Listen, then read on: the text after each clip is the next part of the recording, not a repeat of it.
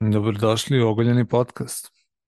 Mesto gde razbijamo mitove o odnosima, braku, fazama partnerstva, seksu, komunikaciji između partnera. I evo nas u trećoj epizodi Ćao svima. i odmah da vam se zahvalimo za sav feedback i za ideje koje ste nam odmah dali posle slušanja prve dve epizode. E, Delo je da je bio baš dobar odjek i deluje da vam se svidelo i nekako ste bili angažovani mnogo podrške smo dobili. Ono što je nama isto bila želja da ovo slušaju i partneri zajedno i pojedinci kao single ljudi i dobijali smo poruke od svih i od single ljudi i od partnera i neki su rekli kao pa gde je treća, četvrta, hoćemo da binđujemo ovo. I ovo je super znak i hvala na podršci. Hvala puno na svemu i evo, pošto to do sad nismo naglasili, ja mislim da bi trebalo, uh, dobijat ćete jednu epizodu nedeljno. Da. Čisto da znate. Da. I to ćete uglavnom videti ili u ponedeljak veče ili utorak ujutru, ali o tom potom bit ćete obavešteni.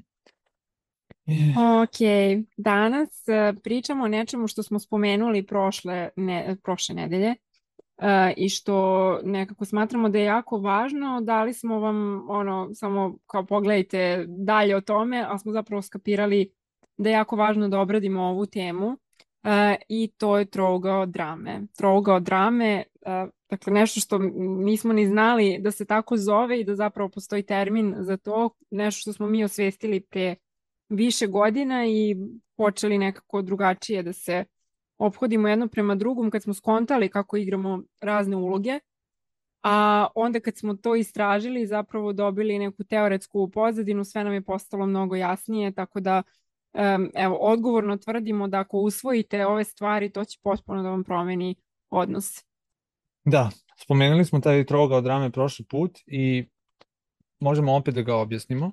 Um, trogao drame ima tri ćoška ili ti tri uloge i te tri uloge su žrtva, spasilac i progonitelj. I mi svi igramo svaku od tih uloga u svakodnevnom životu. I jedna od tih uloga nam je možda životom, u životu dominantnija i time, time prolazimo kroz, kroz život, time dolazimo do nekih stvari u životu. Ali to često može da nam oduzima energiju. I Mogu samo da se nadovežem, dakle te uloge često uh, u nekom najranijem detinstvu preuzmemo, u odnosima u porodici, dakle u toj primarnoj porodici, uh, na neki način neka od ovih uloga postaje dominantna za svakog od nas.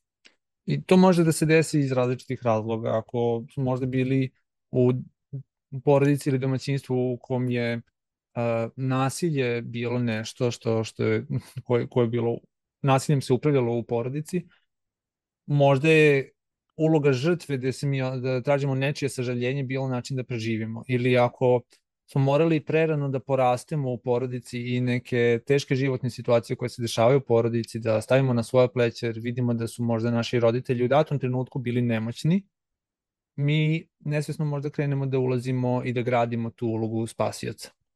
Ajde da pokušam da objasnim, to je da prenesem dinamiku između žrtve, spasioca i pregonitelja.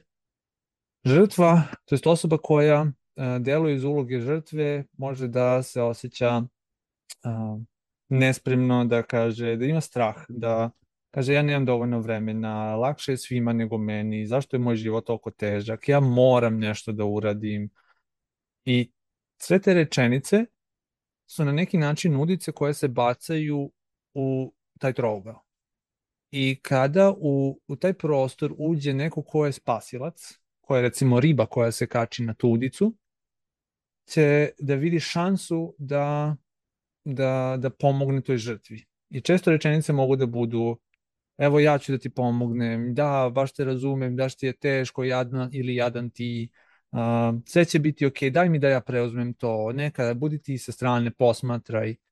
I te rečenice zapravo dolaze od spasioca. Ima još jedna uloga koja je progonitelj, koju mi lako možemo da upadne, u koju lako možemo da upadnemo iz uloge žrtve ako ne dobijemo adekvatnu pomoć i da je može, mogu rečenice da budu eto ti ne vidiš šta meni treba, ako ne razumeš šta mi treba ti mene ne voliš, ako ne čitaš moje misle ti, ti no, nisi zainteresovan za mene. Izvoli. Ti si kriv. da. tvoja je krivica. Dakle, kad neko neće da preuzme odgovornost za sebe, nego mu je lakše da okrivljuje druge ili da upadne u taj začarani krug samo krivice, da ne može uopšte da izađe iz tog okvira, nego samo je dakle ta energija krivice u, u tom odnosu. Da, i, i eto, to je recimo dinamika koja se desi da žrtva ode u progonitelja. Ali isto imamo dinamiku koje sam ja često bio i gde sam otkrio svoj obrazac eksplozivnog besa, jeste da sam životno stalno upadao u ulogu spasioca. I gde ja dođem i pomažem, a možda nema uopšte potrebe da pomažem, ne, ne treba da učestvujem i uskraćujem nekoga za životno iskustvo, rasta u, u nekoj neudobnosti.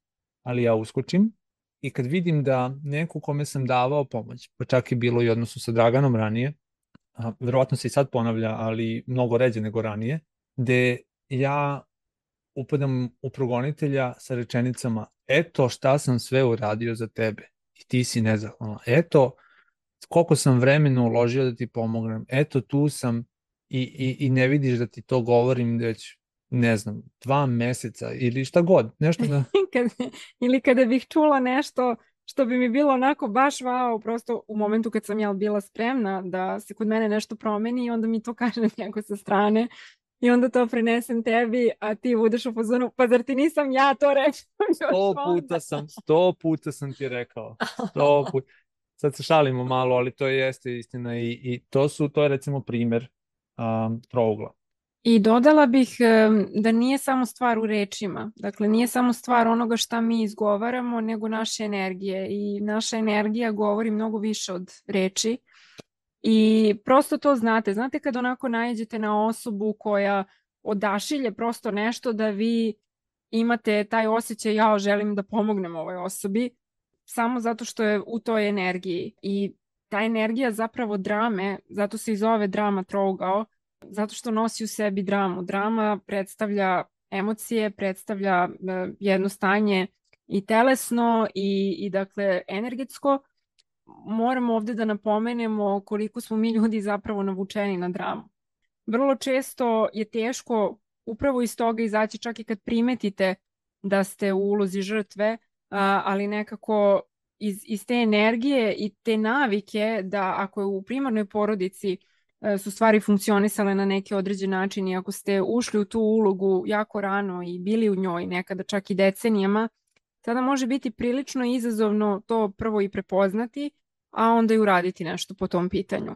Jer mi zapravo kao ljudi smo tako umreženi da naše telo stvara određene substance i da, da jednostavno osjećamo telesno kao zavisnost od bilo koje droge na isti način možemo biti zavisni i od svih ovih emocija koje se stvaraju u ovim odnosima. Svi naši odnosi zapravo mogu jako lako biti upravljeni igrama ovom trogu. To mogu da budu ne samo ljubavni, uh, ja sam primetio da sam igrao i na poslu te uloge gde, gde bi ja preuzeo ulogu heroja, spasioca, da ja uradim nešto umesto nekoga jer će meni trebati možda malo manje vremena A, ili sam igrao žrtvu gde kažem ja baš nešto ne, ne znam ovaj deo, meni bi trebala, treba mi neko ko zna i onda prebacim na nekoga. Ove, ili da se ljutim zato što neko se nije pojavio, a, a tražio sam pomoć. I to se dešava i u porodici, svuda se dešava. Treba samo osvestiti koju igru najčešće igramo. Ja osjećam da ceo život najčešće igram ulogu uh, spasioca. Koga ti, Draga, ne igraš? Uf, Pa ja definitivno sam se šetala između, zavisi koji odnosi su. Dakle, u porodici spasilac žrtva, definitivno. U našem odnosu češće žrtva progonitelj. U odnosu na neke stvari u životu mnogo češće žrtva, jer bih bila nekako u toj energiji, meni su stvari bile takve i takve i ok, ako sam se suočavala sa dosta toga, ali nekako u pozadini sa mnogo nekih stvari sam odbijala da se suočim jer sam bila u toj energiji. Izaći iz žrtve znači bukvalno biti odgovoran za sebe i za sve svoje akcije i za svoje emocije i da to ne projektujem na druge ljude i da očekujem od drugih ljudi da meni čitaju misli i da mene razumeju, a da prvo nisam razumela sebe i da prvo se nisam za sebe zauzela. Tako da ima tu puno, puno elemenata, ovaj, definitivno. Jako je kompleksna tema. Mi zaista pokušavamo da je objasnimo najplastičnije moguće, ali iskrena da budem, ako želite baš da uđete u dubinu svega ovoga, počnite da posmatrate sebe i da, da hvatate ove trenutke i postaće vam očigledni nakon nekog vremena. Sama neka informacija ovako da se čuje je super, čitanje knjiga i sve to je super, ali u životu ono što je najznačajnije jeste hvatati sebe i onako, be, um, um, kako da kažem, iako je neprijatno i iako možda nam je teško da se suočimo i da priznamo sebi da jesmo u nekoj ulozi više ili manje, e, to je jako lekovito za nas. Imam jednu dobru vest, a to je da postoji šansa da se izađe iz dramskog trougla. To možemo da razradimo u sledećoj epizodi. U ovoj epizodi bi dao još par nekih primjera, ali dobili smo jedno fenomenalno pitanje koje je bilo ako je odnos nastao u dramskom trouglu, da li to znači da je odnos osuđen na propast? Ne. Ako istupite iz uloga i pozovete drugu osobu da istupi isto iz uloga, ali tu treba dosta svesnosti u datom trenutku i preuzimanje odgovornosti. Mislim da je generalni lek, bar meni bio, u, pogotovo u troglu sa Draganom, da preuzmem odgovornost za svoje akcije i za svoje emocije. Da, slažem se, slažem se. Jel bih hteo da damo ljudima ovaj zabavni deo, da. meni je, meni je ultra zabavno kad sam nekako to čula i, i kad smo počeli da zapravo hvatamo sve moguće filmove, sve moguće pesme. Dakle, Hollywood je ceo zasnovan na troglu drame, baš zato što su ljudi navučeni na dramu i zato što se hvataju na to. Sva moguća popularna muzika je, to je to nešto na što ćete se nakačiti, jer imate u sebi ono zapise svih ovih energija. Evo, ja ću sad da pokušam da približim to kroz dve pesme. Hvala Knezu za a, primer žrtve u njegovoj pesmi, jedna jako divna pesma, zove se Da li si ikad mene voljela? I tekst ide, koliko bi bilo bolje da si ostala. Ljubio bih tvoje usne kao nekada. Sada, jadno moje srce tuga ubija. Sve bih dao kad bih znao da li si ikada mene voljela kao tebe ja. Ovo je odličan primer žrtve. Kneže, hvala ti. da li si ikada mene voljela? Kao tebe ja, da da moramo malo, moramo malo i da budemo cringe.